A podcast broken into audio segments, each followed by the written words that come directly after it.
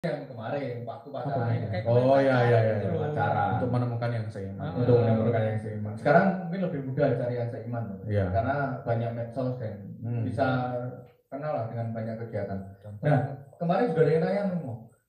berarti gereja melanggar dong hukum negara Wah, gitu kan Hmm. secara orang itu wih apalagi kan ini ada peraturan baru bahwa nikah harus agama dalam Hmm. hukum gereja eh hukum hukum hukum sipil bagaimana berarti kan gereja melanggar jawabannya adalah tidak Hmm. karena pertama-tama gereja hukum sipil itu berada di tingkat yang sekunder tingkat Hmm. kedua yang primer adalah hukum negara eh hukum hukum, hukum gereja Gereja. karena gereja punya umat beriman yang dilindungi oleh gereja itu sendiri Hmm. Jadi yang gereja punya kewajiban untuk Oh, melindungi. mengatur dan melindungi mereka Mengatur dengan hukumnya. dengan hukumnya lalu berhadapan dengan hukum sipil yang itu berarti berada di bawahnya maka Ya. gereja bisa memilih itu pakai yang sekunder atau yang primer Primer. makanya yang usia juga gereja pakai yang sekunder yang sipil sesuai dengan Hmm. negara tapi kalau dalam hal ini gereja tetap Iya. terbuka dengan nikah beda agama meskipun sipil tetap harus menyetujui ya tidak menyetujui harus satu agama maka ini juga menjadi tantangan sebenarnya saya Ya. bagi umat kita yang berada di Indonesia khususnya Hmm. untuk bagaimana juga mempersiapkan tadi pacaran itu mulai Hmm. pacaran lalu mulai proses untuk iman ya bagaimana kamu mau nggak ikut aku gitu. Hmm. itu jadi perlu dipikirkan juga konsekuensi dan tantangan secara sipil pun ada gitu. Gitu, Rom.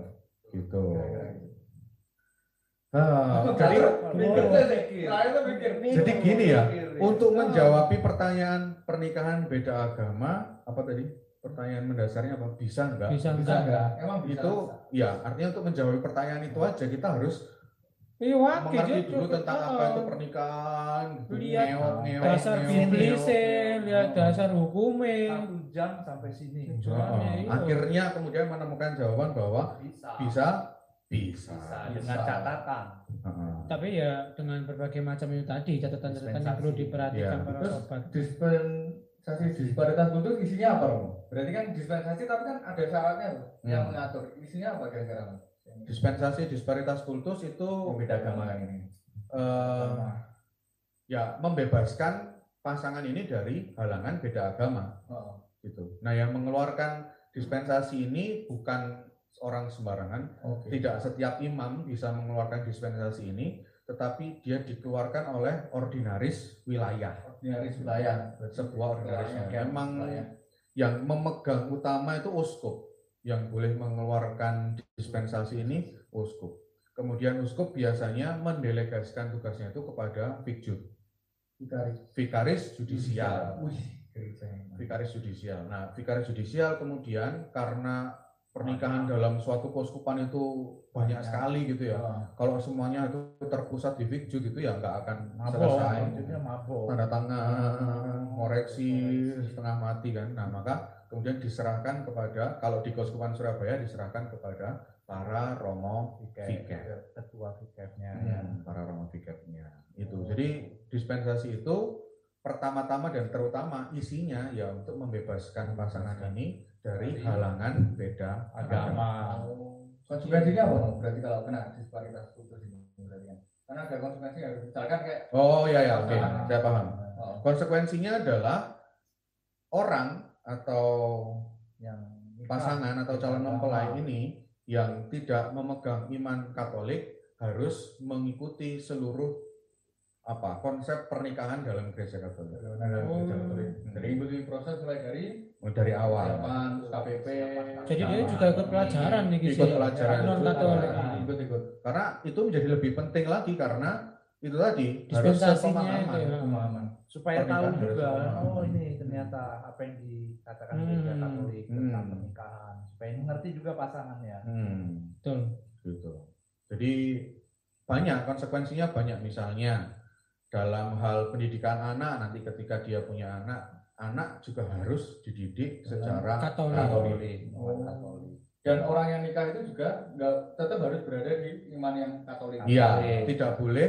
Memaksa pasangannya untuk mengikuti dia. Setelah nikah lalu ayo wes nikah kalau aku Hmm. nggak boleh atau nggak boleh ke gereja nggak boleh ke gereja. Tapi ini hanya di awal saja ya. Dalam prakteknya kalau itu terjadi ya nah itu kadangnya di situ bisa. masalahnya di situ ya kan Masalahnya di masalahnya di situ Tapi memang harusnya sejak awal dipahami Hmm. oleh pihak yang non Katolik ini kemudian untuk benar-benar mengikuti seluruh proses dalam gereja Katolik ini sepenuhnya, gitu. benar sepenuhnya Nggak Iya. boleh ditolak sebagiannya.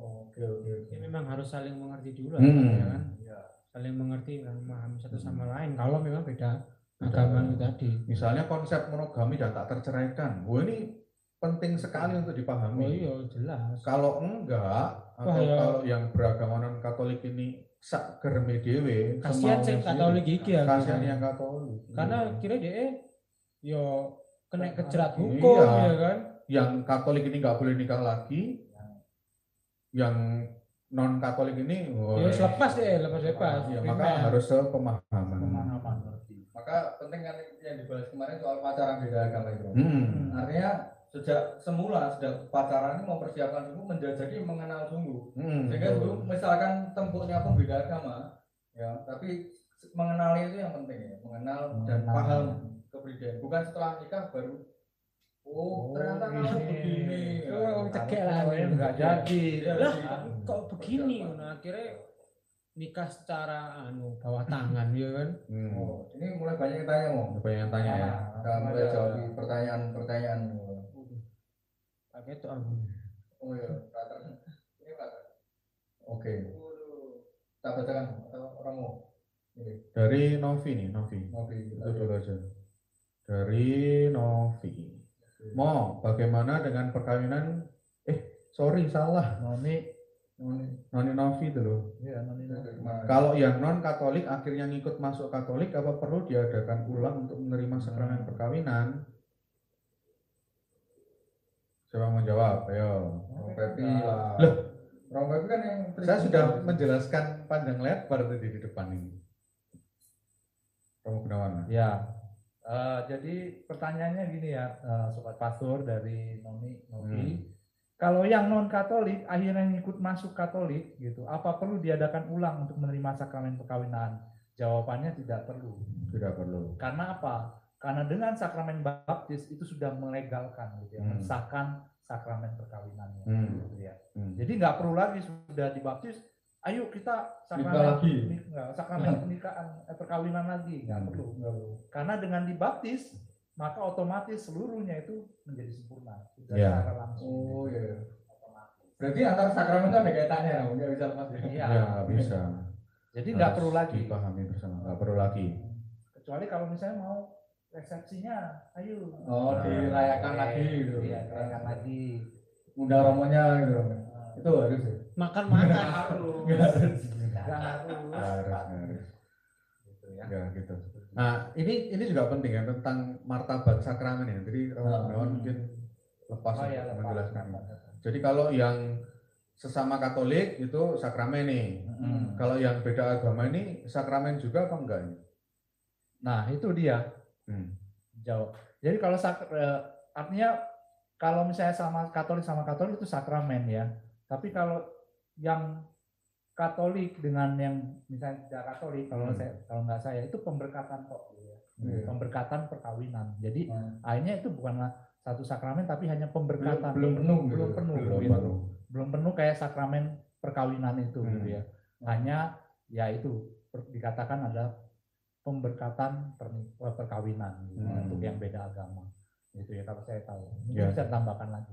Ini menurut kitab hukum kanonik ada dikatakan di situ. itu kan bukunya mau kan mungkin Oh iya, kita- ini kita belum kitab hukum kanonik namanya. Wah, nah itu itu lumayan nih perkawinan itu salah satu Nah, bagian iya sekali. Perkawinan menjadi salah satu Salah bagian dari ini semua. Tapi perkawinan adalah salah satu hal yang paling banyak digunakan dalam kitab hukum kanonik ini. Oh iya paling banyak Misalnya kalau ada perkawinan yang mau dianulasi atau Oh. diputus atau dinyatakan tidak sah sejak awal, Oh. itu pakainya buku ini.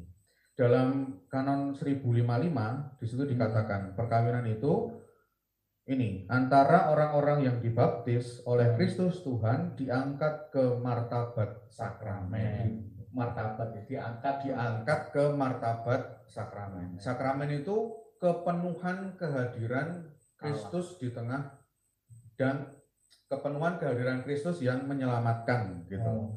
Jadi dalam keluarga itu ketika dia Katolik dan Katolik menikah martabatnya itu sakramen. Sakramen. Di artikel yang kedua kemudian dikatakan karena itu antara orang-orang yang dibaptis tidak dapat ada kontrak perkawinan sah yang tidak dengan sendirinya sakramen. Artinya sakramen itu ikatan perkawinan itu semakin diteguhkan gitu loh. Makin kuat, makin Semakin kuat lagi. Jadi bukan hanya soal Ngomong kuat ini semangat deh. Itu. bukan hanya soal perjanjian hitam di atas putih Oh, saja, benar. tapi Diangkat. diangkat oleh Tuhan itu ke martabat yang paling tinggi. mulia dan agung. diangkat menjadi adil kodrati. Ya, menjadi martabat sakramen. Sakramen. Artinya melalui keluarga itu kemudian keselamatan Allah hadir di tengah-tengahnya. Nah, terus gimana kalau yang beda agama atau yang beda iman tadi bukan sakramen. Nggak bisa menghadirkan keselamatan dong? Ya. Memang harus kemudian disempurnakan, disempurnakan. dengan sama-sama Katolik. Ya. Sakramen Oh. tadi. Nah, harus disempurnakan menjadi sakramen. Iya, ada. Tetapi ya dari pemberkatan tadi. Tapi kemudian apakah Allah tidak hadir? Ya Allah tetap hadir dalam. Iya, Allah selalu hadir kepada siapa pun. Siapa pun. Iya. Kayak hujan itu kan. Hmm. Jadi Allah itu turun bagi siapa pun, tidak memandang dia itu miskin kaya, agama ini agama itu enggak Total, rata. Ganteng jelek, Ganteng Jelek. Ya orang di ini. enggak ganteng jelek. Ya kayak pindo waduh ae. Enggak kan yang ganteng jelek. Enggak, aku enggak ngomong kamu jelek. tapi gini, ganteng jelek. Enggak. Kok curiga gua. Gestur tangannya gini. Gak enak ngono lho, gerakannya iku lho. Kayak enggak imut ngono lho. Iya. Gitu ya. Jadi semoga bisa dipahami. Maka nah sakramen dan tidak sakramen ini ya riskan juga untuk dijelaskan memang karena kehadiran Allah kemudian apakah sesempurna itu Itu ada topik sendiri. agak topik tersendiri ya. Banyak topik-topik yang perlu diperdalam memang. Iya. Banyak sekali. Kalau ngomong pernikahan ini nggak akan selesai. Karena ya memang itu adalah hal yang enggak seringan itu, Hmm. ya kan? Hmm. Jadi sakramen perkawinan nggak perlu diulang lagi. Nggak perlu. Nggak perlu diulang. lagi. Iya, kita nikah lagi. Nah, ngobrol lagi. Anaknya bingung tuh. Kok bapak ibu nikah lagi ya kan? Apa-apa nek enak kok nek Kalau mau foto bareng nggak apa-apa. Foto- foto orang ngene. Nah, Kecuali kalau ini ya, yang pernikahan di luar gereja ya. Ya. Nah, itu nanti jadinya ke pembaharuan janji perkawinan. Iku prosesnya sama. Nah, misalnya seorang muslim menikah dengan seorang katolik, Oh. menikahnya di KUA. Ah. Hmm, menikah dulu di KUA. Dengan cara ini kemudian si katolik kan terhalang nih. Oh iya. Oh, ini kayak Karena- ini pertanyaan. ada. Pernikahannya bukan Menarik secara ini. katolik. Hmm, Saya mau Mana? mau ini loh. Mau kalau yang dari Nopi. Oh enggak enggak bawahnya dari Intan Utami Ningrum. Mau bagaimana dengan perkawinan yang pasangan tetap oh enggak bukan. Beda, beda, beda. Sorry. Ada lagi tadi mana ya? Saya baca tuh. Oh ini mau dari Patricia Jessica. Malam Romo mau tanya. Kalau menikah beda agama, apakah Iya. tetap mendapatkan sakramen perkawinan secara Katolik atau hanya pemberkatan? Ya tadi, Nah, tadi. tadi dijawab Romo Gunawan tadi. Tingkatannya. sorry pertanyaan bawahnya Anastasia Adita ada pasangan beda agama menikah secara non Katolik apakah yang Katolik tidak bisa menerima komuni atau ada konsekuensi lain Ya, nah ini Ah, penting menarik. juga ini. Kalau menikahnya di luar gereja Katolik dulu ini ya. Jadi seorang misalnya nih, misalnya seorang cowok Muslim menikah dengan seorang Ya. cewek Katolik. Mereka saling jatuh cinta, jalan bareng, pacaran lama, saling yakin bahwa dialah my belahan jiwaku. Mari kita menikah terus diskusi di antara mereka dan tidak ketemu jalan keluar. Akhirnya oke, kita menikah dulu secara sipil. uh, secara agama. Agama. Oh, sorry agama. Secara agama di luar gereja. Gereja Katolik. Nah, misalnya menikah dulu secara KUA. Oh, iya iya. Nah, itu kan karena sipil kan mengandaikan pernikahan agama nih. Nah, maka KUA dulu terus baru ke sipil. Oh. Oke kan? Nah, terus akhirnya suatu saat si cowok ini mau Iya. Terhalang tapi terhalang ya? Oh iya, si ceweknya yang Katolik ini kemudian terhalang oleh terhalang untuk menerima komuni Benar. sakramen karena oh, karena iya. dia me- cacat itu enggak sih? Ah, Dalam tanda kutip cacat juga cacat. pernikahannya cacat karena tidak dilakukan tidak memenuhi tiga syarat ini tadi Hmm. ya. Tidak di hadapan pejabat gereja juga toh. janji Hmm, walaupun dia sepakat nah, bebas gitu. terhalang Terhalang dia terhalang untuk menerima komuni. Komuni. Nah, ketika kemudian si laki-laki ini kemudian bersedia untuk memperba untuk pindah uh, pindah atau kemudian menikah secara gereja Katolik, maka pasangan ini butuh pembaharuan janji pernikahan Oh. di hadapan seorang pejabat. pejabat gereja dan kemudian karena dia adalah beda agama, dia juga membutuhkan dispensasi disparitas kultus. Wih. Jadi kembali lagi ke syarat ada tiga hal yang harus dipenuhi. Bebas dari halangan, kedua mesti mesti lagi. lupa yang kedua kesepakatan kesepakatan Iya, kesepakatan yang bebas dan benar. ya Yang ketiga tentang pejabat. di hadapan pejabat gereja. Kalau ketiganya ini sudah terpenuhi, maka sah pernikahan itu. Dalam pernikahan yang di KUA tadi, dia terhalang agama dan Kasih tidak di hadapan dispensasi. pejabat gereja. Oh, dua itu. Walaupun kesepakatannya bebas gitu ya, Hmm. tapi tidak memenuhi yang dua. Maka kalau mau diperbarui dalam gereja Katolik harus di hadapan pejabat gereja dan harus mendapatkan dispensasi. Dispensasi. Kalau kecuali kalau yang cowok kemudian mau dibaptis secara Katolik, ya, balik lagi tadi ya balik ke tadi pembaruan berarti kalau pembaharuan janji. kemudian akhirnya keluarga pindah semua ke Katolik Hmm. pembaruan Memang yo rada ribet. tapi ya. bisa dijelaskan semua ya kasus-kasus sebenarnya iya betul Hmm, nah gitu. ini nih ada yang bagus nih pertanyaan apa mau dilanjut tadi Biar Bang. sudah sudah mulai kita mulai baca-baca Jonathan Suito itu loh. Romo, jikalau halangan-halangan tersebut baru diketahui setelah pernikahan, apakah Nah, ini sah atau mesti harus proses anulasi? Hmm. wow Rada jero pertanyaannya ya. Nah, kalau halangan itu ditemukan setelah pernikahan, kalau pernikahannya masih baik-baik saja, ya sudah, Iya. jalan saja pernikahan yang nggak ada apa-apa gitu. Ada. Tapi kemudian jika suatu saat terjadi masalah atau ingin berpisah begitu atau sudah berpisah secara sipil, nah itu kemudian harus masuk proses Anulasi. anulasi dan halangan itu harus ditemukan jauh sebelum pernikahan. Iya. Nah ini proses yang rumit. Penyelidikannya panjang iki yo. jangan sampai salah pilih gitu kan Iya jangan jangan sampai. Dia bisa. baik-baik aja gitu. Hmm. Udah kita pembaruan lagi dia nggak usah ya. Nggak usah karena ya sudah.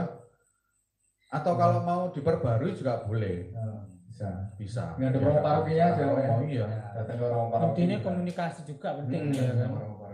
Tapi kalau baik-baik saja selama ini pernikahan fine-fine saja ya. Bahagia, Ya, bahagia. kan kesejahteraan. Heeh. Terus Saya ya mengembangkan ya ngapain cari halangan? Iya, karena sudah hidupnya Iya. aman-aman saja. Halangan itu ditemukan memang ketika ada sesuatu Iya, di ada dalam. Ada yang mengganjel itu ya. Kebetulan saya ikut di tim tribunal. Apa itu tribunal? Tribunal itu hakim gereja, Wow, hakim hakim Wih, ini. hakim ini. Hakim pau. hakim. Hakim pau. Dan sih oke. hakim. Nah, di situ kami memproses semua proses-proses anulasi itu biasanya masuk ke kami dan itu melelahkan prosesnya karena kami harus mencari halangan apa yang bisa memisahkan. Jadi anulasi itu bukan perceraian ya, harus dikatakan begitu. Anulasi itu bukan perceraian, tetapi sebuah pernyataan dari pihak gereja bahwa memang sejak awal pernikahan itu Tidak sah. pernikahan itu tidak sah Oh. gitu. Jadi tetap di dalam gereja Katolik tidak ada yang namanya perceraian. Tidak ada yang namanya perceraian. Tapi tidak sah. Tapi Tidak diakui. tidak sah oleh gereja Katolik maka dia bisa diputuskan, diputuskan. Break up ya. Ini ada apresiasi loh Romo Ah, dari Antonina Mariati. iya. Punya rompet. Apresiasinya terima kasih atas pencerahannya Romo. Terima kasih ya Bu ya. Tadi ada yang tanya mau, tapi ditarik saya. Tapi saya masih ingat pertanyaannya. Dari ini Enrico Satria Nugraha. Kalau kalau pasangan kita kemudian menikah, lalu boleh nikah lagi Romo. Hmm. Nah, Ya, karena udah lihat. nah, frater mungkin juga ada. Oh, frater, oh ya. Di dari tadi tercengang. Bagi aku memang ini hal yang baru ya. Ah. Materi tentang pernikahan beda agama itu hal yang baru. Kuliah baru ini. Jadi nanti balik balik ke mana? Terpisahkan. Kandang kok. Oh jadi cedek. ih. Udah udah ngegas iki mikir. Jadi ya aku karena aku nggak nggak terlalu apa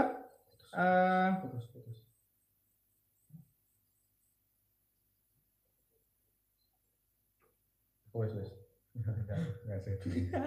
Jadi buat aku memang kayak Isat yang baru. Jadi aku kayak lebih banyak mendengarkan juga sih emang. Hmm. Hanya mendengarkan memahami. Tapi kalau soal pertanyaan yang siapa sih Mas Enrico ini tadi, Hmm. yang kalau misalnya pasangan kita meninggal boleh nikah lagi enggak kan ya udah jelas enggak sih? Iya. Di pertanyaan di awal tadi kan udah dijelaskan bahwa yang memisahkan itu adalah maut. Oh, Jadi ya boleh lah nikah Boleh lagi. ya. Tapi ya itu tadi kan nggak boleh dengan tindak kriminal kayak Ah, tadi. iya, iya, iya. Kalau kan, ush aku tak rabi cewek itu tak Iya, cewek Aku ini lagi. Akhirnya di bunuh cewek eh, Hmm, istrinya nggak dia di tacuni misalnya itu nggak bisa. Suaminya bro. Suaminya ada yang dibunuh. Nah, kecuali kalau kamu nikah Si si si. Bener itu ya. aku mau lihat ini kami ini deh. Eh, Jadi jadi gitu intinya Hmm. ya ya bisa bisa menikah lagi kalau yang meninggal secara alami Hmm. natural ya kan karena memang sakit penyakit dan itu pun juga kalau memang sepakat karena misalnya pasangan ah ya nggak mau aku mau sama kamu gitu ya nggak Hmm. apa-apa Tapi kalau nggak mau ya nggak usah maksa gitu ya kan Hmm. Terus ada lagi mau. Kau kau kayak bener kau Chan. Iya. Biar gak terlalu lama. Jadi bisa ya. Iya. bisa Reti Sari. Soalnya Prater juga tidak ada HP mau. Iya. nggak bisa lihat juga kan. oh no HP oh no cuma Nggak mampu. Nggak mampu. ya. kapabilitasnya Iya. nggak sampai ke kono Iya. ya. Ini juga HP pinjaman ya. Ini mau ada pertanyaan dari Reti Sari menarik. Maaf Romo, mau tanya, jika menikah beda agama laki-laki Katolik, perempuan Muslim, anaknya Katolik, bahkan sampai mau memisahkan mereka tetap berbeda agama, bagaimana pendapat Romo? Terima kasih. Ini. Romo yang ditanya Romo ini kan, bukan diakon kan? Ya. Romo kan ya. Ya jelas lah Romo. kabeh romo Kenapa semua saya? Mau. Kamu Gunawan? Hakim bau. Diakon, diakon lah, diakon. Hakim. Ya, saya mau coba Diakon, menjawab ya. Bagus ini, pertanyaannya bagus ini. Karena ini juga sering terjadi gitu. Iya. Iya. Maka ini tadi bahwa yang menjadi patokan sebenarnya bukan bahkan seiman pun nggak bisa nggak hidup bahagia. Maka berarti kalau ini kan pernikahan Iya, betul, betul. pakai dispensasi disparitas putus kan. Kan. Artinya menarik ini karena yang Katolik ini sungguh-sungguh tetap Katolik artinya Iya. jaga imannya. Bahkan Anaknya juga anaknya di pun desa juga Katolik. di Katolik berarti sudah Katolik. sesuai dengan apa yang diminta oleh gereja. Hmm. Bahkan sampai maut memisahkan maka saya kira juga baik ya di keluarga ini cara yang dipandang di sini loh secara iman itu juga baik menjalankan apa yang dikehendaki oleh gereja Hmm. meskipun pasangannya berbeda Beda. Betul. Jadi beda agama juga nggak apa-apa. Asal tadi tujuan pernikahan dalam gereja Katolik itu bisa Oh, tercapai.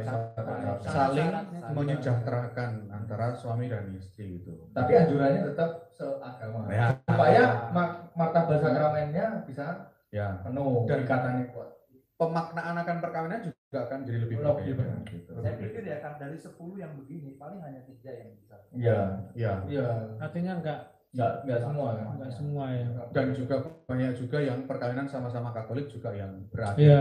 tidak bahagia juga Betul. banyak juga. ya memang proses kan Dan saya memberi apresiasi tinggi bagi si suami ini tadi loh. Karena dia sungguh-sungguh walaupun dia beda agama, walaupun dia tidak beriman Katolik, tapi dia sudah menghargai menjalankan iman Katolik itu. Iya. dia lebih katolik daripada katolik ya Iya, bisa jadi begitu. Bisa loh. jadi begitu. Karena orang Katolik juga bisa saja pengen nikah banyak dan bercerai dengan istrinya juga banyak gitu. iya benar-benar iya Iya, Hmm, dan benar. saya memberi apresiasi tinggi Tepuk tangan. sekali untuk si suami ini karena dia Iya. bisa walaupun dia tidak mengimani Katolik tapi dia sungguh Menjalankan. menjalankan iman Katolik itu Iman. jauh lebih penting daripada banyak berdoa di gereja tapi sikap dan perbuatannya tidak mencerminkan iman kekatolikan. Wah, Nah, seru. jadi doa dan kerja itu saling melengkapi Saling melengkapi. jadi iman anu mau kita nggak cukup hanya doa-doa di gereja tapi Hmm. tanpa ada perbuatan kasih demikian juga sebaliknya gitu kita perbuatan kasih. perbuatan kasih tapi juga tidak pernah ke gereja datang ke Hmm. gereja karena gereja itu menjadi komunitas Hmm. tempat kita bertemu dengan Allah sendiri Allah dan Maka harus manusia. beriringan jalannya Hmm. ada pertanyaan lagi Terus ini Kan udah habis. Ada ya? yang anotasi ini mungkin memperjelas apa yang Iya, dikatakan iya. tadi. Ya. Kalau pasangannya meninggal boleh dilakukan pernikahan kembali, tetapi biasanya ada prosedur juga dari gereja Katolik. Ya. Iya. Kan, ya penting penyelidikan. benar Hmm. Takutnya bilang saya pasang saya meninggal misalnya, ya. Nggak bisa. meninggal tiba-tiba ternyata masih juga masuk Nah. sana. Ini dalam gereja Katolik ini Nah. yang menjadi kekuatan adalah surat baptis. Hmm. Nah, penting ya. Pentingnya surat baptis. Surat Kenapa? baptis dalam gereja Katolik ini menjadi begitu penting karena di situ akan ditulis kapan kamu menikah. Oh. Jadi kalau mau menikah itu biasanya minta surat baptis terbaru kan, Betul, tiga bulan nih biasanya. Ah. kan. agar tahu kamu ini statusnya masih bisa menikah apa enggak, gitu. masih Oh. liber atau enggak liber itu artinya bebas, Bebas. Bebas. menikah atau enggak. Kalau di situ sudah tertulis pernah menikah, ya nggak bisa.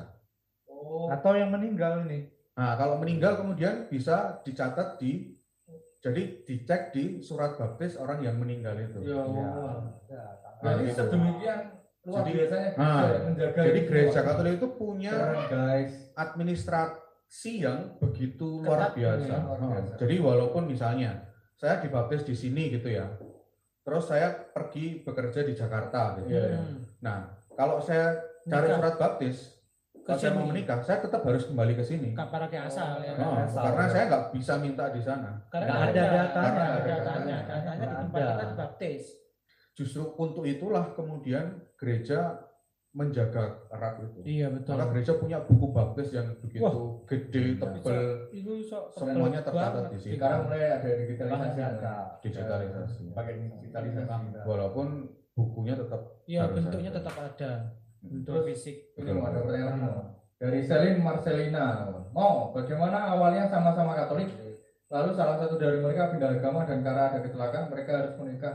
Tetapi si perempuan maunya menikah gereja dan si pria baru pindah agama. Ya itu dimasukin saja. Gitu ya. Awalnya sama-sama Katolik, awalnya sama-sama Katolik. Duanya Katolik kan. Pindah. Lalu salah satu dari mereka pindah agama. Karena Sekarang ada kecelakaan, mereka harus Kecelakaan itu kecelakaan itu tadi yang kamu bilang bilang. Dibilang. harus menikah, tetapi semua maunya menikah gereja dan Awalnya sama-sama Katolik, lalu salah satu pindah Oh. agama.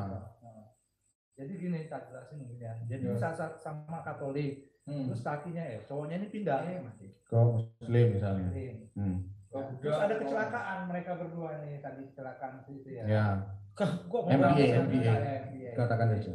MBA. Terus dia akhirnya menikah lah ter- karena terpaksa kan. Hmm. Bukan karena terpaksa benar, Ya. nggak mau ya untuk menjaga anak ini biar sejahtera juga anak menikah. Tapi si Hmm. ceweknya mau menikah di gereja.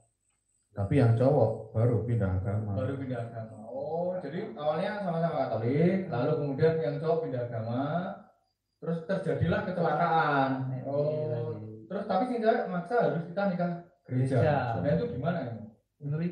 Menikah di gereja. Tapi yang cowok nggak mau ya. Hah, Mau dikatakan. Dan si pria baru pindah agama. Oh, Ya, nggak nikah bisa. beda agama. Beda agama tadi. Ya. Ini Tapi kan sama-sama Katolik. Udah, dia meh beda agama. pindah agama kan tetap Tapi Katolik nih dia kata baptisnya kan selama nih. Oh iya, ikatan. Oh iya. Kayak ikatan. mengalami baruan Kan janji baptis. Ini kan, jadi baptis itu kan Oh iya, iya. anu toh, meterai toh. Materai. Yang walaupun dia pindah kan dia tetap Katolik asalnya ini. Sebenarnya gitu kan. Oh. Oh. Jadi dia tinggal pembaruan baptis itu enggak sih? Iya.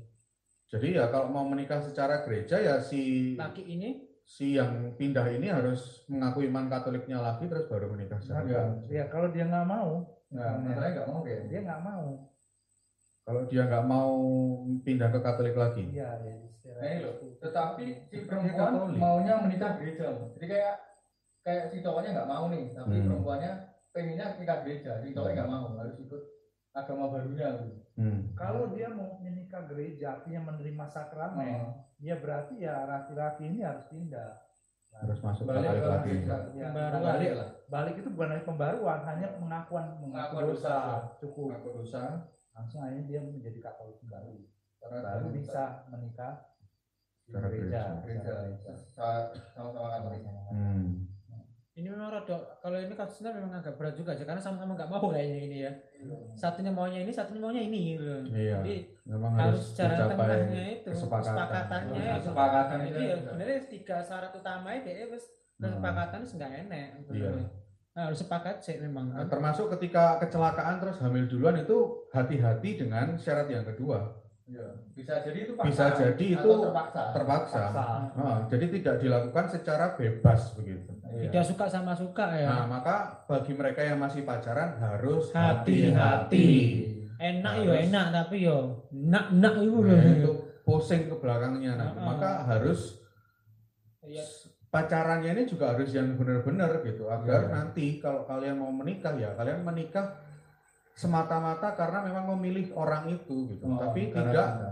kalau sudah menikah duluan ini ya gimana lagi dia Iya. bapaknya ya aku mau nggak Tanggung mau harus menikah dengan Iya. dia dong itu juga pergulatan banyak UMK ini. walaupun sebenarnya di dalam hati kemudian "Aduh, aku sebenarnya juga nggak yakin sama si cowok ini Di sini gitu ya. Tapi ya mau nggak mau menyelamatkan juga. iya tapi kan kebebasannya bisa jadi Nggak ada juga. nggak ada. Ini juga bisa menjadi banyak kasus anulasi juga terkait dengan ini. Karena Oh, karena waktu itu saya hamil duluan ya Romo ya. Saya mau nggak mau nikah sama dia. Daripada malu. iya nggak bisa. Jadi Saya itu nggak bisa.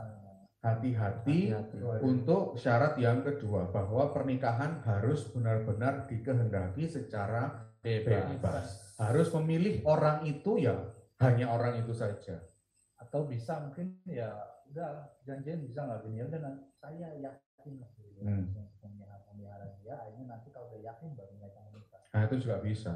Jadi mending diyakinkan dulu. Ya konsekuensinya banyak malu dan sebagainya karena kita Indonesia banget Iya, gitu ya. iya. Kalau ada anak yang lahir dari di luar pernikahan netizen anaknya- malah benar nih lho. Iya, Wah. anaknya ini dianggap haram kayak apa. Lalu dari sisi ini, pastoral, dari sisi pastoral, sebenarnya kan ada ruang paroki yang Hmm. situ kan. Nah itu pastoral pertama bukan merujuk pada hukum-hukum dulu sebenarnya, Mo, tapi merujuk pada pendampingan pastoral. Artinya orang ini ditemani, wis terlanjur ya toh. terlanjur jadi, wis maka pak tugas salah satu tugas pastor paroki adalah mendampingi orang ini dan mengarahkan bagaimana proses-proses Seharusnya. selanjutnya. Seharusnya bagaimana? Artinya yang pertama dilakukan adalah dengan kayak Yesus loh, cinta dunia yang diberikan. Jadi tetap meskipun gereja menjaga dengan hukum-hukum itu, tapi gereja juga tetap terbuka, punya kemurahan hati Hmm. akan cinta itu. Maka pertama pendampingan itu yang pastoral perlu dilakukan. Setelah itu baru kemudian Hmm, Maka jangan takut datang kepada ruang paroki. Ah, benar, jangan takut.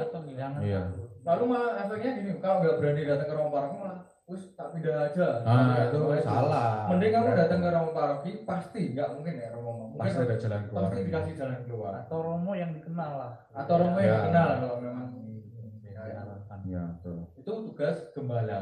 Karena itu di perkawinan juga ada di apa, Hmm. perjanjian baru soal pendampingan pastoral Yesus itu ketika berjumpa dengan perempuan Samaria. Hmm. Nah itu. Jadi bagaimana Yesus juga datang bagi mereka yang ditanya suamimu mana? Kamu nggak punya suami padahal dia sudah nikah tujuh kali. Nah, misalnya. Hmm. Nah, artinya apa? Yesus mau datang kepada siapa pun, mau bicara kepada siapa pun dan mengarahkan itu kepada yang benar. Nah, itu Untuk itulah kami ditabis. dirabiskan untuk itu. Iya. Untuk Siap. berpastoral itu. itu. Jadi pendampingan pastoral yang pertama. Jadi tidak perlu takut dulu kalau Hmm. menghadapi situasi susah ya. Apa pun situasinya. Kamu Iya. benar? Ini yang ini bagus juga. Bagus ini ya. Anastasia Dikaina ini. Perhatikan. Ada pasangan beda agama menikah non Katolik Oh. dan akhirnya menerima pembaruan perkawinan gereja setelah dibaptis. Dan setelah bertahun-tahun sekarang dia kembali ke agamanya yang dulu. Bagaimana status perkawinan mereka? Kasusnya banyak ya pusing. Memang case per case ya. Kasus Iya, per kasus ya. per kasus ini. Berat. Jadi agak susah ini sebentar. agama menikah non katolik pembaruan perkawinan di gereja setelah dibaptis dan setelah bertahun-tahun sekarang dia kembali ke agama minggu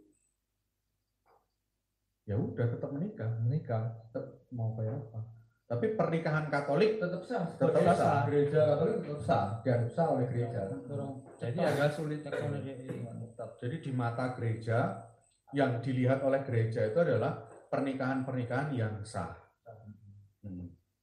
Kumpul kebo itu kan nggak sah Nggak sah. nggak ada perkawinan Nggak ada perkawinan. atau perkawinan yang hanya sipil saja itu nggak sah tapi perkawinan-perkawinan agama itu kemudian menjadi sah selalu di mata gereja Dan yang tak, tak sampaikan di awal tadi bahwa nikah di, di luar gereja Katolik pun diakui sah oleh gereja. Hmm. Ketika kemudian misalkan yang pasangannya menikah di, dengan Katolik, nah pernikahan pertama itu tetap diakui sah oleh gereja karena gereja tidak mengakui adanya perceraian. Ya. Apa pun alasannya Apa pun gereja tidak mengakui perceraian Maka harus diurus. Tadi. Nanti ada Paulinum itu loh. Apa? nah itu panjang lagi Jadi ada ada lagi teman-teman. Jadi kalau sudah nikah tidak di dengan maksudnya misalkan ya Islam dengan Islam lalu mereka cerai lalu satu-satunya pindah nikah dengan orang Katolik nah itu harus diurus dulu yang Islam dengan Islam jadi se- seperti itu untuk menjaga Saya- kemurnian sakramen ini kan Nah. Urus secara benar dalam artian nanti ada lagi ada pakai lagi panjang. Hmm. ya ya atau Panjang. panjang sekali radisnya Bahkan gini, ketika misalnya menikah secara muslim ya, tadinya muslim-muslim gitu, terus nikah secara muslim, terus mereka dibaptis secara katolik. Maka pe- pernikahannya begitu saja kemudian diakui oleh gereja sebagai pernikahan yang sah, nah, gitu. Ya, gitu. nah ini intan nih intan si nah ini menarik ini. menarik ini jadi mau bagaimana jika hamil duluan apakah bisa dibaptis di Katolik Kan baptis iki. asal dia Ya, mau saya- yang nggak apa-apa Hmm. mau bagaimana jika hamil duluan apakah bisa dibaptis di Katolik Soal Bisa. baptis toh. Iya, Bisa baptis. toh baptis. Bisa. Dia terima Yesus toh. kalau misalnya dia dengan kehendak bebas ya udah saya mau dibaptis ya dibaptis gitu loh dengan kehendak bebas asal Hmm. ada katakumen dulu Hmm. Pelajaran agama ya. Iya, tetap ya nggak Hmm. langsung Dan itu menarik jadi pertanyaan. Kenapa sih kalau pengen jadi orang Katolik itu susah sekali? Oh, Oke, iya. prosesnya panjang. Iya, karena menjadi Katolik itu tidak mudah gitu. Hmm. Susah menjadi Katolik. Karena menjadi Katolik itu bukan hanya untuk memeluk agamanya, benar. hanya percaya Nah, tapi untuk mengikuti Yesus sebagai jalan kebenaran dan hidup. Hidup itu sama mengerti juga kan katakumen belajar kita Iya. mengerti Ah, mengenal mengenal, mengerti. Santo Agustinus ngomong apa itu Satu tahun itu mau persiapannya mau. Ngomong apa? Ngomong apa Santo Agustinus ngomong apa? ngomong apa Santo Agustinus ya? Sama Agustinus Lupa Ya, aku.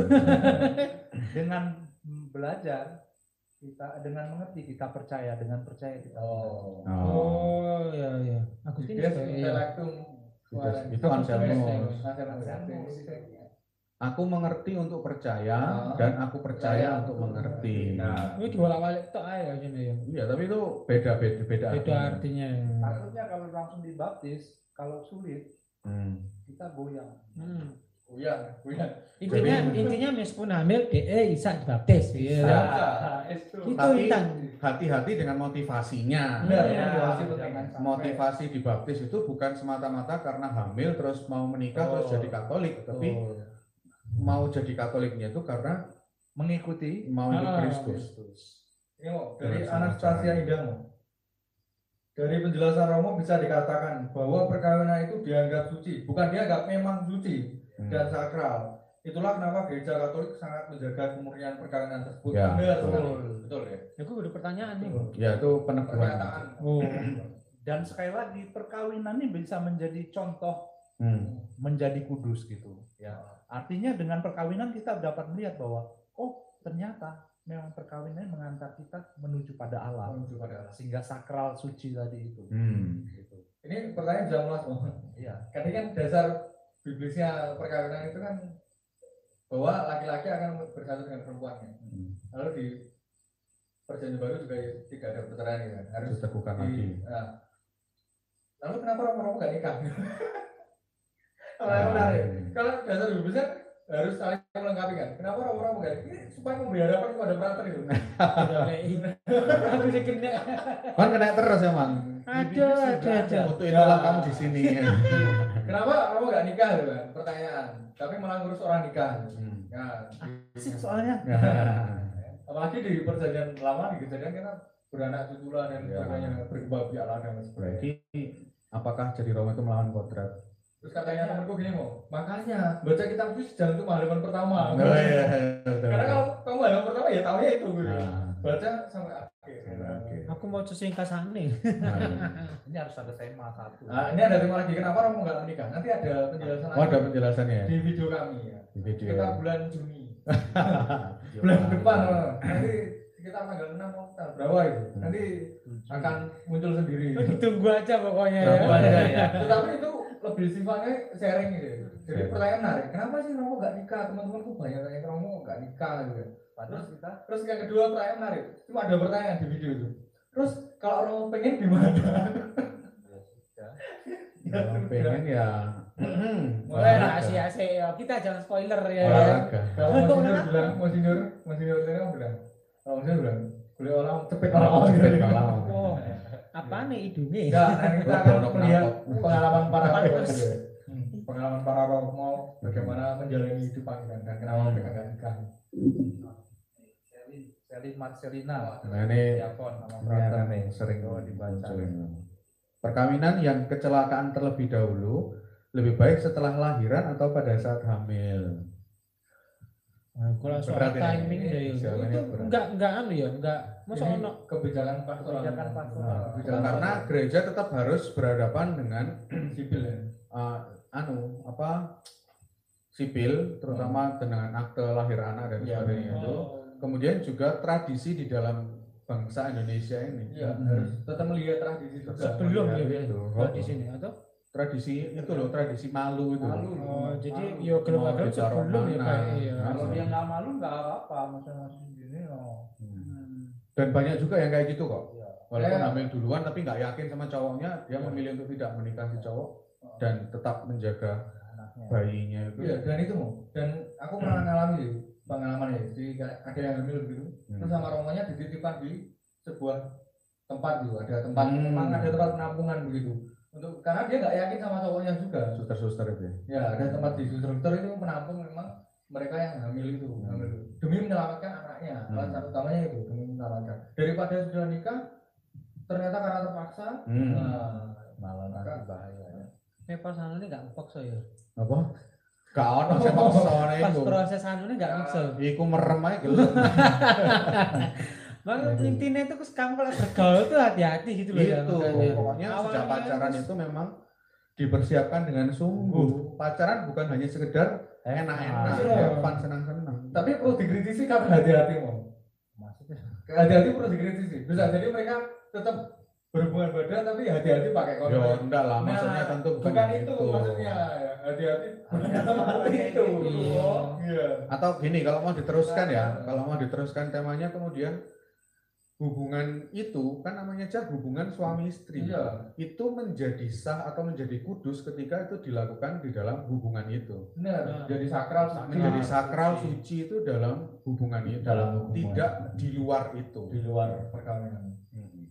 Maka harus Jelimet kon. harus sah dulu, harus menjadi suami dan istri, maka bukan hubungan Iya. pacar nggak ada Nggak ada. hubungan itu.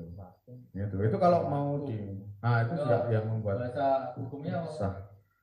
Ratum, et konsumatum. Wah siap. Ratum itu artinya sah secara rat- ritus, Ya, secara ritus. pernikahan. Konsumatum itu ada persekutuan atau persetubuhan. persetubuhan atau menjadi satu tubuh kata-katanya itu tadi Jadi gak main-main itu yo. menjadi satu tubuh mereka akan meninggalkan ayah dan ibunya dan menjadi Satu daging. satu daging satu tubuh itu ya dalam kerangka 100 et. konsumatum Ya. maka sebuah perkawinan ketika sudah disempurnakan dengan konsumatum maka lebih sah lagi bahwa perkawinan itu tidak bisa diputuskan Benar, kalau sudah ratum et konsumatum tidak bisa diputuskan. Kalau ratum saja belum konsumatum ya, itu masih mungkin diputuskan tapi yang memutuskan langsung Vatikan. Wah, itu suhu ya. Kayak Ulama lama kon. Oh, prosesnya. yang banyak ditanya sudah mau soal sebenarnya bagaimana sih prosedur pernikahan di gereja Katolik itu yang Prosedur pernikahan di gereja yang Katolik. pertama cari pasangan dulu.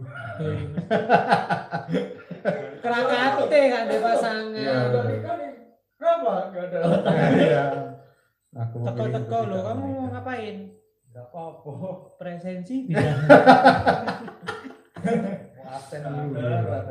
Orang murid tiwas guys, tolak kasula. Hmm. Loh, Kan kok dewe. dia weh. Iya, sejomblo. Wah, kate dikaplok kok wis nang altar. Tapi tema ini nggak banyak ketawa ya, nggak kayak tema-tema. Iya, karena ini agak serius. Serius. Iya. Jadi Kompleks aja. kompleks ini memang pernikahan itu. Satu satu hal bisa melahirkan hal yang Tuh, lain. ada lagi mau keren. Pras Setio. Sigit sih pertanyaannya sih anu sih. Ini pastoral ini. Ya kan, langsung segi pengalaman. langsung pengalaman. Saya sudah pacaran dengan yang beda ima di usia kayak gini, saya sudah bosan cari-cari. kok kamu tahu? Saya sudah ngintip duluan. Oh, pantesan. baca mau. Betul. Ya, Betul, silakan, betul. betul. Moco lah, kau usah jawab. Mau coba kan jawab ya, kok salah kok Enggak lah. Mas Sigit Iki piye carane kok gak metu pertanyaane. Rodok katrok aku rek. Iya, sana brother.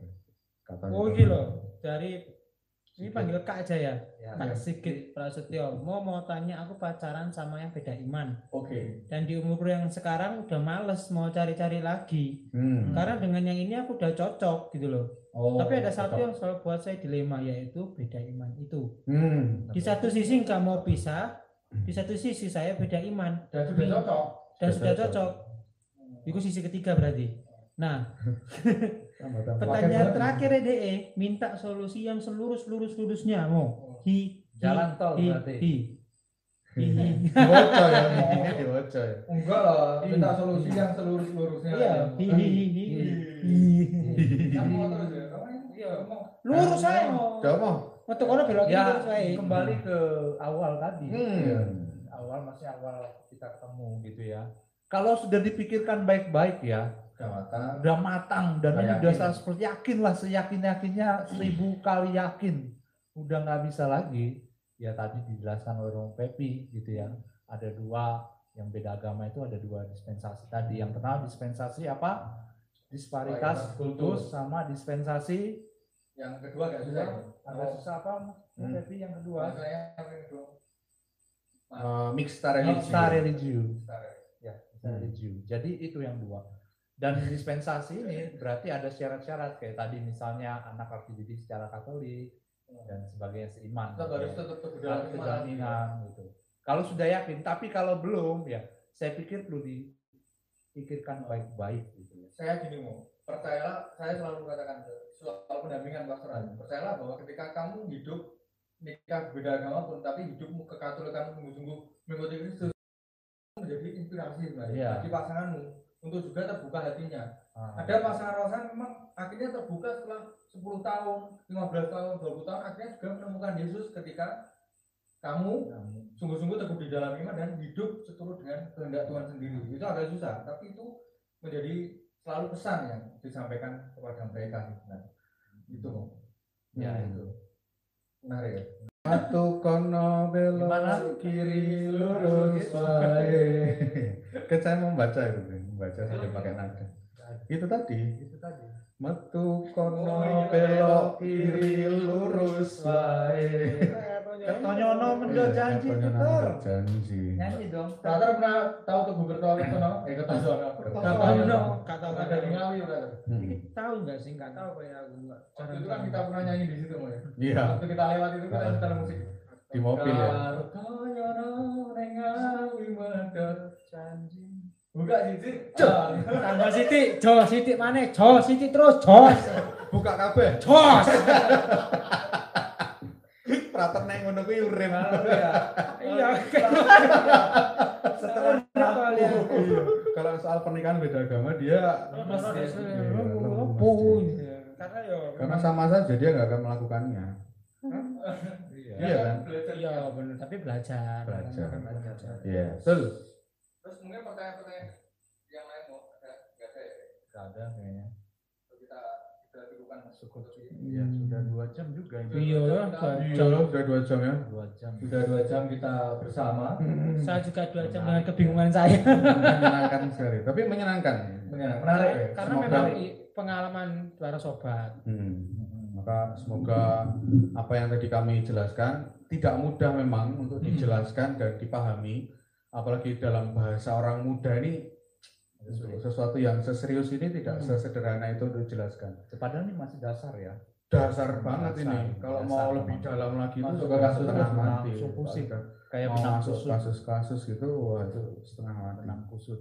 Terus anu mau penting juga untuk tadi ya pesan untuk tidak pernah takut menghadap ke romo Hmm. ke pastor baru karena mereka juga belajar romo-romo belajar dan memang salah satu hal yang ditekankan adalah soal pendampingan Hmm. pendampingan pastoral itu yang penting ya. Hmm. cinta kasih pastoral itu yang menjadi dasar dalam setiap pendampingan pastoral Hmm. entah soal perkawinan entah soal apa pun ya. Hmm. KDRT dan lain sebagainya pendampingan pastoral yang yang pertama jadi jangan pernah takut untuk ngadep ke romo-romo paroki atau romo-romo yang dekat dengan teman-teman sekalian Iya. Saya kira bagus kalau iki ini kemudian kita akhiri dengan kesimpulan dari masing-masing dari kita. oh benar-benar boleh boleh Jadi apa yang menjadi poin penting dari masing-masing dari kita? Mulai dari siapa dulu? Romo Gunawan sudah punya? Ya kan sudah punya? Barisan.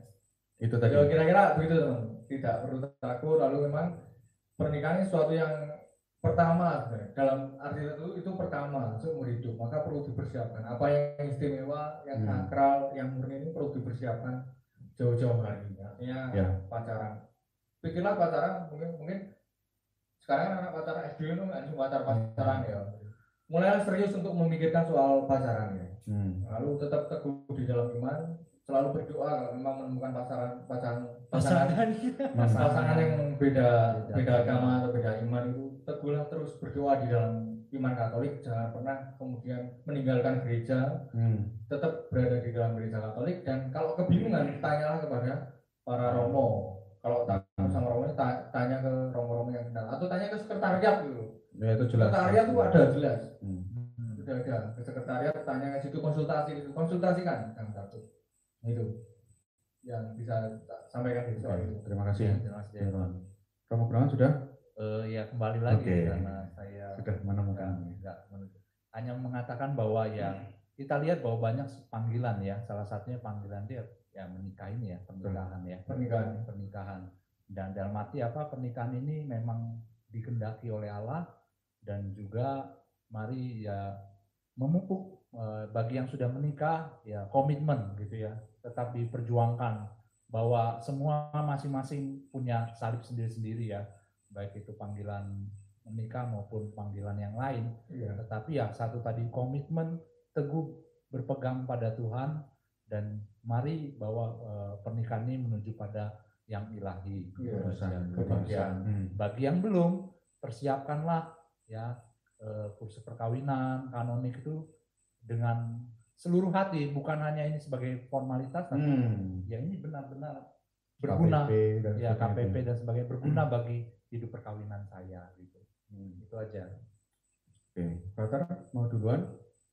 aku terakhir ya aku Oh ya, Frater terakhir ya. terakhir ngaplok terakhir ya pak Tapi kamu harus mengatakan kesimpulan yang bisa kamu pelajari dari live ini ya. oh iya Ya. Kalau dari saya, pesan saya untuk kalian, para sobat pastor, kalau kalian masih muda, kalau kalian masih artinya kalau kalian Hmm. masih dalam tahap pacaran, maka pikirkan pacaranmu itu dengan baik-baik. Hmm. Jangan hanya cari senang-senangnya saja, tapi sungguh-sungguh dipersiapkan untuk memandang jauh ke depan sana. Pernikahanlah yang menjadi tujuannya. Maka kita hadir di sini untuk menjelaskan tentang pernikahan beda agama juga semata-mata agar kalian itu ngerti tentang konsep pernikahan dalam gereja Katolik. nah Tidak banyak orang muda yang paham paham tentang konsep pernikahan dalam gereja Katolik. Maka kalau yang belum nonton, kalau yang belum ikut live ini, terus mau menonton lagi, silahkan dilihat di YouTube kami, Cafe Pastor ini ya, agar subscribe dulu sambil di subscribe, ditonton sambil di subscribe, agar kalian sungguh-sungguh mengerti tentang apa itu dan paham gereja Katolik tentang perkawinan. perkawinan Kemudian pesan saya untuk mereka yang sedang mempersiapkan proses perkawinan, seperti juga dikatakan Romo Gun, persiapkan itu dengan sebaik-baiknya. Jangan disia-siakan setiap momennya itu, karena riskan juga. Saat-saat untuk mempersiapkan perkawinan itu riskan. riskan Karena kemudian seorang calon mempelai bisa jatuh kepada persiapan-persiapan yang physically saja. Persiapan gedung, persiapan gaun, tapi tidak pernah mempersiapkan hati untuk mau menikah.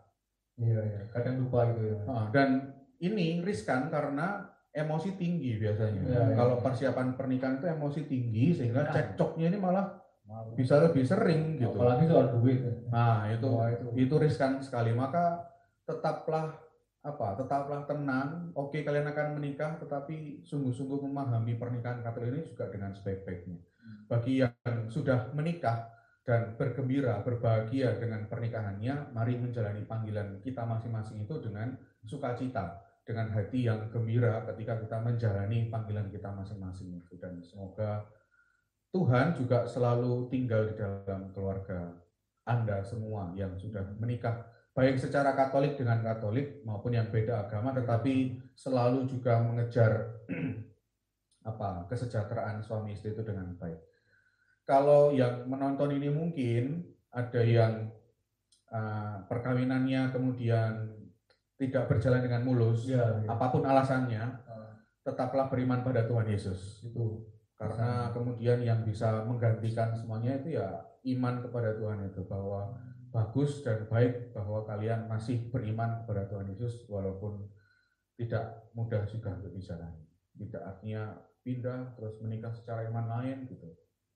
Ya itu saya kira. Saya mau menyambut semua yang ada di dalam.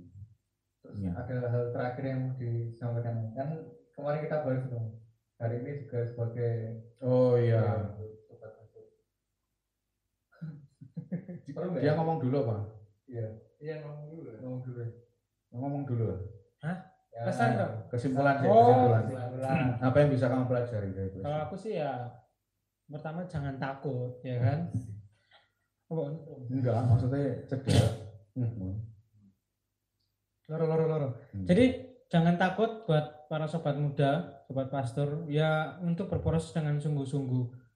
Berproses ketika awal mulai dari pacaran ya dengan sungguh-sungguh dengan pacarnya bukan untuk main-main dan ketika untuk melanjutkan jenjang pernikahan juga dengan sungguh-sungguh dan hati yang mantap. Hmm. dan juga jangan Ya. takut untuk ya melewati setiap cobaan itu dengan baik pula dengan Hmm. keterbukaan dan komunikasi Ya. itu sih yang mau tangkap jadi ya nggak takut mau terbuka dan mau komunikasi Hmm. dari ini loh ya Ya. itu yang aku pelajari Oke. Kemudian terakhir ini ya, terakhir ini saya sebagai sebuah informasi, waduh ini Informasi. Pengumuman? diakhiri dengan sesuatu yang menyedihkan. Enggak Hmm? lah, enggak lah menyedihkan. Kan. Eh, ini menjadi apa? Waduh, muter bro. Masih ya. Oke, ini sebagai sebuah kesempatannya terakhir untuk live bersama Yo. dengan kita. ya mungkin nanti ketika dia sudah jadi Romo kita akan menghadirkan Frater eh Romo Aldo lagi di dalam. Iya, sungguhan. Sehingga Frater Aldo sudah menyelesaikan masa pastoralnya di. Sundari Garum ini dan dia akan melanjutkan proses formasionya untuk kaul kekal kemudian harus Studi menjalankan lagi. studi S2-nya sampai Hmm. selesai hingga nanti dia jadi imam dua tahun lagi aminkan itu maka kita beri tapi artinya itu sudah di take di beberapa Sebelumnya. saat yang sebelumnya gitu tapi secara langsung Rata Aldo akan sebenarnya saya merasa kehilangan sih ketika Rata Aldo ini nggak ada gitu Saya kok nambah seneng.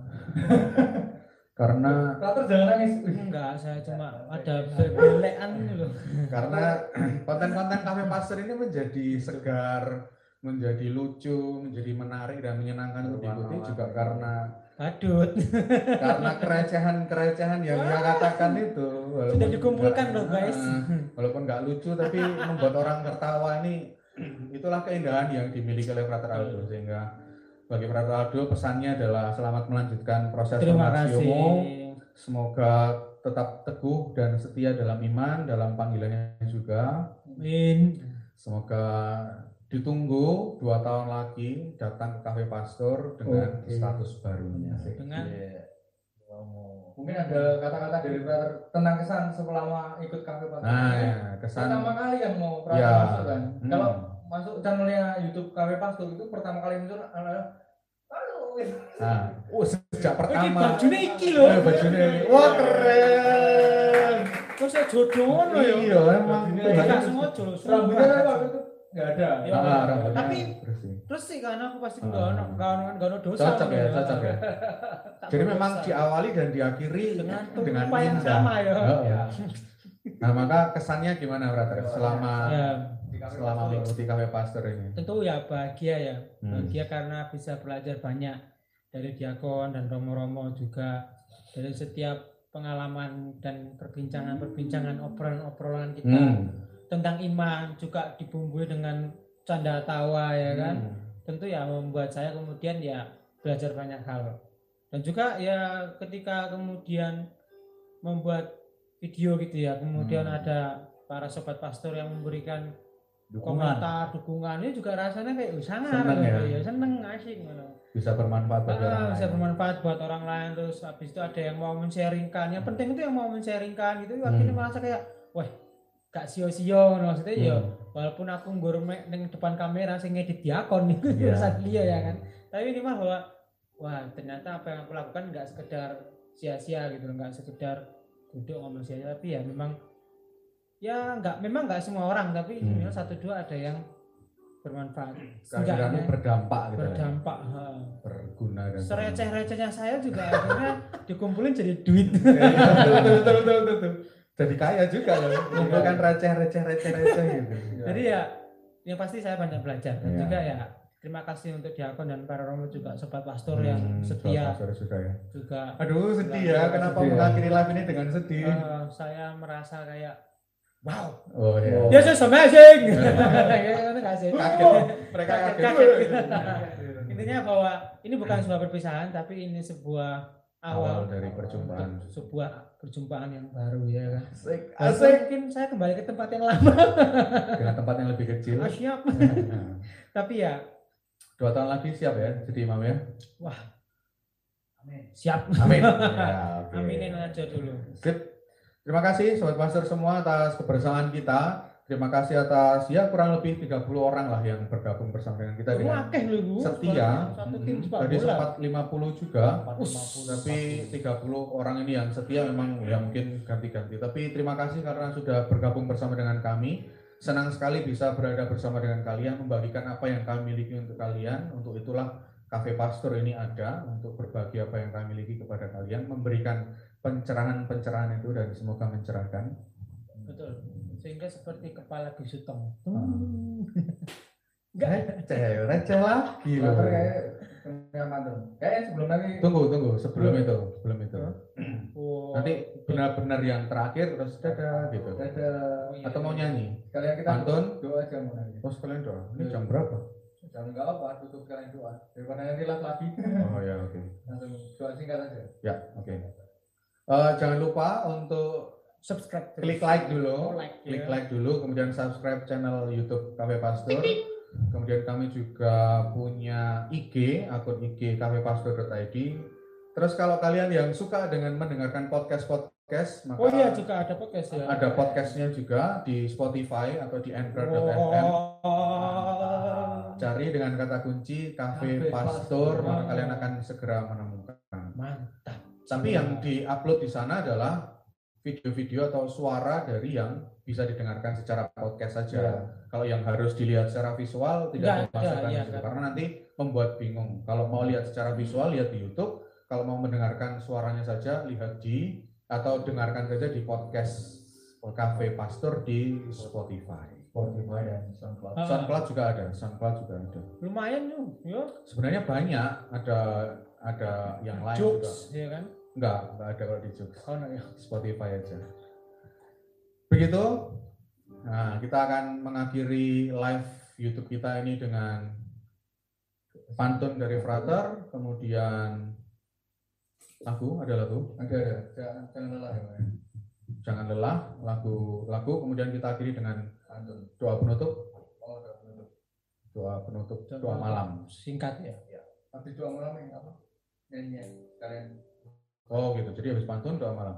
Nah, Akhirnya Yuk, pantun ya kan. hmm. Senyum manis milik si Putri. Asik. Senyum manis milik si Intan, hati Intan milik si Tarmin. asik. Pernikahan bukan sembarang pernikahan. Mantap. Kalau untuk main-main. Asik. Yang kedua, Oh, ada lagi. ini, ikan bukan sembarang ikan. Asik. Ikan patin milik si Budi. Mantap. Pernikahan bukan sembarang pernikahan. Wih. Pernikahan untuk yang ilahi. Oh. Asik. Kita beri tepuk tangan untuk kita semua pada malam hari ini.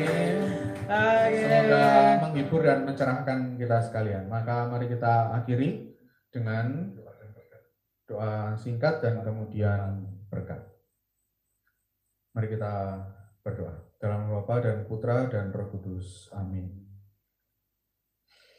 Allah Bapa yang Maha Kasih, kami bersyukur atas pengalaman indah yang boleh Engkau curahkan kepada kami pada malam hari ini.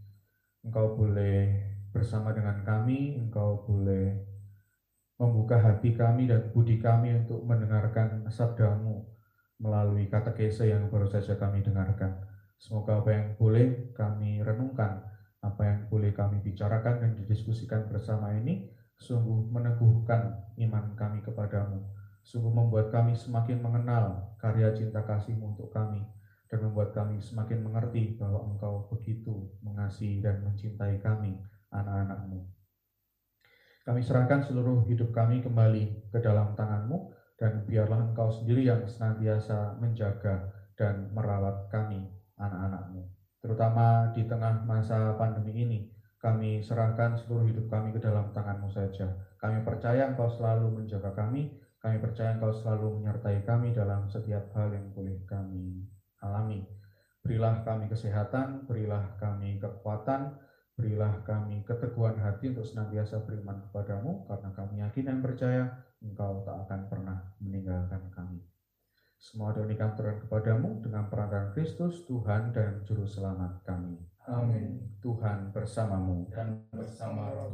Semoga kita sekalian, segala aktivitas kita dan juga istirahat kita pada malam hari ini senantiasa dinaungi, dibimbing, dan diberkati oleh Allah Bapa yang Maha Kuasa, Bapa dan Putra dan Roh Kudus. Amin. Terima kasih semuanya kita akhiri dengan sebuah lagu. Jangan lelah. Wah, kita cari teks. Jangan lelah.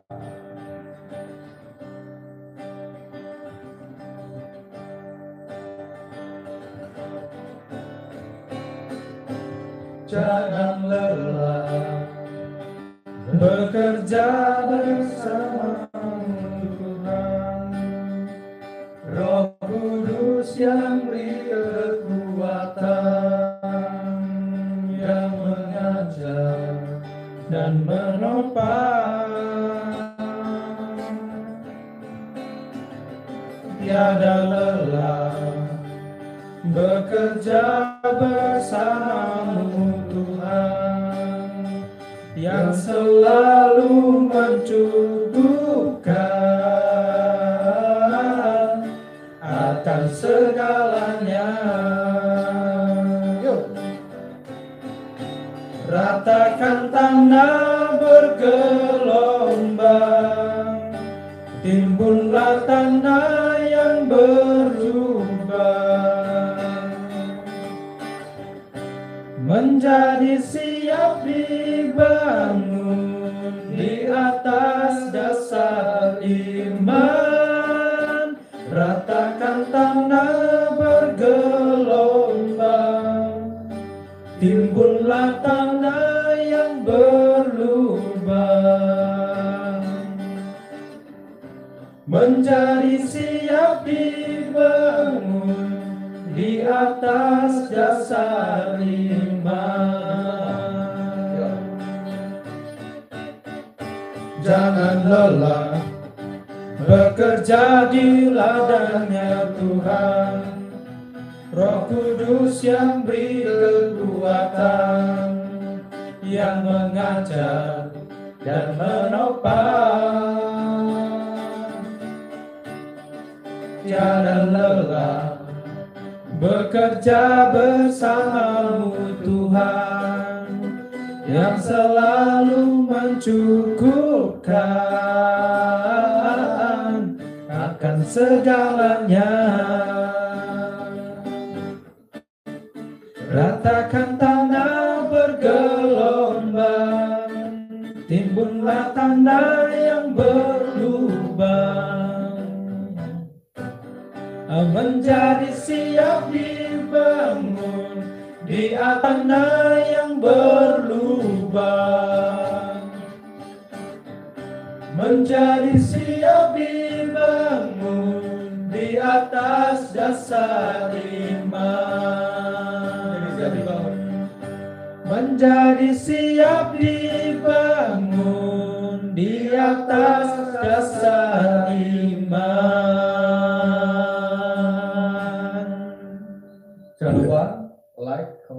Subscribe subscribe, dan juga follow akun IG Cafe Pastor dan tonton dan tonton video-video yang ada di channel. video-video yang ada di channel Cafe Pastor. Pastor. Dengarkan juga podcastnya. Sampai Dadah. jumpa. Sampai jumpa di live yang berikutnya.